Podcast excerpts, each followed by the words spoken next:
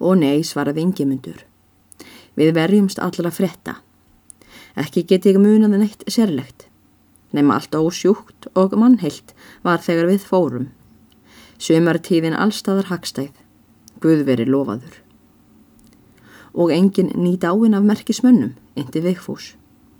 Og ekki það ég mann, ansað yngimundur. Síðan bætti hann við. Ójú, ég skrökva þó. Það var nýt áinn kona þarna í sveitinni hjá okkur. Heldur í fremriruð og stóðu til að jarða hana daginn sem við fórum. Réttir að tarna, mælti Otur. Guð kefi henni lofaður. Úr hverju dó hún lagsmaður? Fretti Vigfús. Úr landfarsótt, sagði það, ansaði yngjumöndur. Öldungis er rétt, já það er rétt.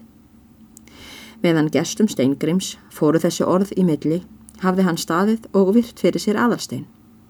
Hann ávarpaði nú hinn að nýju gesti sína og spurði þá að nöfnum þeirra, en þeir sögðu af heið sama.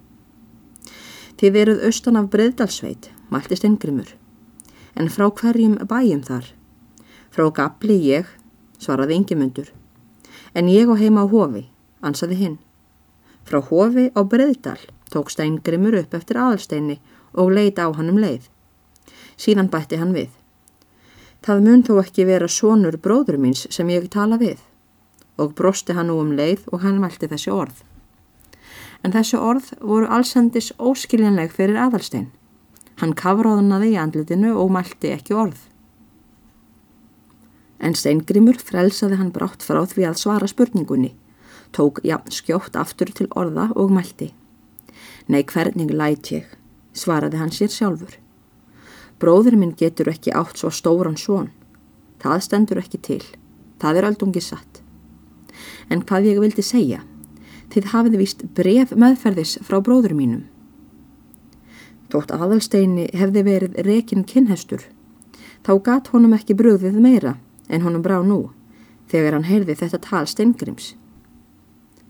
Því hann vissi ekki að þeir síra þorgrimur og steingrimur þessi voru skilgetnir bræður. Aðalsteini varð orðfall í bráð og varð þögn eftir spurninguna. Strandamennirnir sátu undrunar fullir og letu ímist á steingrim, aðalstein eða yngjumund og gáttu með engum móti áttað sig á þeirri þögn er spurningu steingrims var svarað með. Yngimundur var fyrstur til að rjúfa þögnina. Hann hafði áttað sig svo mikið að hann gatt litið stórum augum á steingrim og sagt Nú, ég held að hvorugur okkar hafi nú verið svo vel að sér að okkur væri kunnugt að þið síra þorgrimur eruð bræður ef því annars er svona varið. Ég segi fyrir mig, ekki hef ég vitað það fyrr. Eins og gefur að skilja, samkvæmt fyrirætlun aðalsteins, er við höfum drepið á áður, hafði hann ekki látið yngimund fá neitt að vita um erindi sitt vestur. Einungis hafði hann sagt honum að ferðinni var heitið að eitrafelli á ströndum og hafði þeir fundið þann væg með því að spyrja sig fyrir í héræðinu, því að báðir voru jafn ókunnugir. En á þessari stundu vissi yngimundur því ekkert um erindi félaga síns og hafði aðalstinn farið undan í flæmingi hvenar sem yngimundur reyndi að grafast eftir því á leiðinni. Sakir þessa bætti yngimundur nú við það sem hann hafði áður sagt, þessum orðum. En það reyndar ekki að marka mig. Félagi minn kann að hafa vitað það betur og það er öllu líklegra úr því hann er af heimilinu.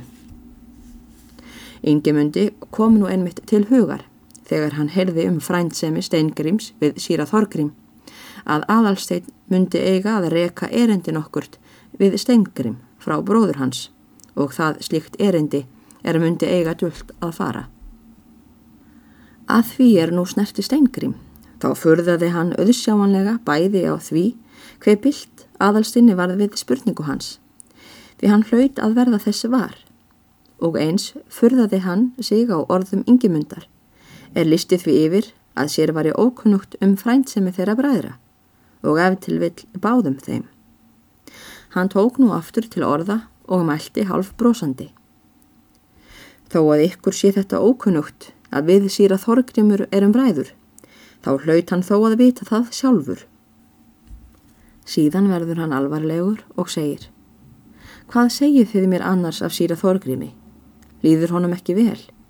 Og leit nú steingrimur fast framann í aðalstein. Jú, honum líður vel og þeim báðum, svaraði hann og hafið þó enn ekki náð sér til fulls af undurun sinni. Og hann hefur ekki skrifað mér, valdi steingrimur.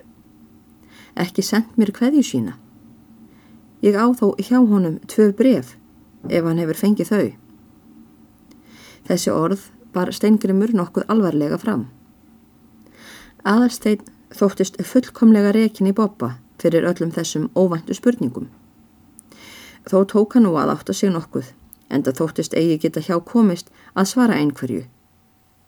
Því að spurningar steingrims síndust þó á góðum rökum byggðar, og því þeir síra þórgrimur voru bræður. Það er ekki til vonar, mælti aðalstein, að síra þórgrimur skrifaði með okkur, því að hann vissi ekki að við myndum koma við hér. Nú þóttist yngi myndur vita að svo myndi þó ekki vera sem honum hafði fyrst komið í hug, að aðalstein ætti að reka erendi síra Þorgríms. Hann mælti því. Hann hefði sjálfsagt beðið að hilsa maðurinn eða skrifað og orðalust skrifað ef hann hefði vitað það. En Steingrimur virtist ekki fyllilega ánæður með þessa úrlaust. Þeir Ottur og Vigfús voru það heldur ekki. Alltaf störðu þeir á viksl sína skorpuna á hvern, eftir því sem hver talaði, og reyndu alla þá rannsókn sem hægt var að gera með augunum, en eigi gáttu þeir orðið hóti fróðari fyrir því. Nú hann vissi ekki að þið mynduð hér koma, malti stengrimur. Ætlið þið annars langt á fara? Ekki lengra áleiðis, svaraði aðalsteinn og ætlið þið svo austur aftur sömu leið? Já, sömu leið, svaraði aðarsteinn. Þá hafið þið átt eitthvert bringt erendi hingað til síslu sjálfsagt, spurði Steingrimur. Jú, svaraði aðalsteinn. Ferðinni var einmitt heitið til þessa hérads. Já, já, sagði Steingrimur. Þá hefur bróður minn þó vitað að þið áttuð ferðhingað vestur og hann hefði getað skrifað eins fyrir því þótt hann vissi ekki að þið mynduð koma hér við. Aðalsteinn þóttist ennstatur í vandræðum. Hann fann vel að það var meir en óviðkunnanlegt að þurfa að segja þann sannleik að síra Þórugrimur hefði ekkert vitað um ferð þeirra vestur, þar sem Aðalsteinn þó var heimilismadur hans. Enda bjóst hann ekki við að Steingrimi myndi þykja það trúlegt. Þó hugsaði hann að sannleikurinn væri sagna bestur og mælti einarðilega. Síra Þorgrimur vissi alls ekkert af þessari ferð okkar. Nú kom röðin að steingrimi að verða hissa og strandamennirnir settu upp helmingi stærri augu en þeir höfðu haft áður. Steingrimur leitt undrunarfullur á aðalstein og mælti. Nú hann vissi þó ekkert af ferðinni. Sjóðust þér þó ekki vera heimilismadur hans? Jú, svaraði aðalstein og róðanaði við. Jæja, mælti Steingrimur og brosti við. Ef hann vissi ekki af ferðinni, þá var ekki von að hann skrifaði mér. Hann fór nú að ganga um golf í stofu sinni og síndi yfirbragð hans að hann furðaði sig á þessu. Hann hafði og nokkra ástöðu til þess, því að þegar ja, langt er á milli bræðra og nú var milli þeirra steingrims, þá er það vant að vera fagnaðar efni fyrir annan bróðurinn þegar maður kemur af heimili hins að því að það er svo fágætt. En það mun það sjaldan bræðast að góðir bræður noti slík tækifæri til að skiptast hverjum við eða brefum og því furðaði Steingrim fyrst að hann hefði engin skeiti fengið frá bróður sínum þangað til hann frétti nú að bróðir hans hefði ekkert af ferðinni vitað og þó furðaði hann ekki minna á þessari frettinni en hinni. Hann tók nú að ímynda sér að þessu ferðarlegi þeirra aðalsteins væri eitthvað undarlega varið, en vildu þó ekki spyrja þá frekar. Síst meðan þeirra væri við, hinnir fyrir gestirnir, Otur og Vigfús. Það var því hljóð í stofunni, eftir það er steingrimur hafði talað síðast. Þeir livjamennirnir, Otur og Vigfús, höfðu alltaf setið högdofa á stólum sínum og engu synd nema talinu. En nú er hljóð varð og þeir örvæntum að geta fengið viðunanlega úrlust á því ráðgátu máli sem þeir aðalsteinn töluðu, þá stóð Ottur upp, myndi eftir að hann var í erindi fyrir sjúkling og mælti til félaga síns. Verður þú ekki samferðalagsmaður? Fyrir ég vil nú fara að halda af stað til að geta náð háttum. Heldur þau ekki það lagsmaður að við ættum að fara að róla af stað? Mælti hinn og brá við. Jú lagsmaður, ég fer að koma en hvar letum við nú húfurnar okkar? Þeir tóku nú að leita að höfuðfötunum sem loks fundust, annað undir legobeknum en hitt undir stólnum er eigandin sata á. Eftir það gengu þeir á röðina og kistu alla sem inni voru, austanmennina lauslega en steingrim innverðulega með þakklæti og borgunar lofórðum. Síðan fóru þeir út úr stofunni. Á meðan þetta samtal varaði höfðu alltaf herst við og við hósta kviðurnar ofan af loftinu.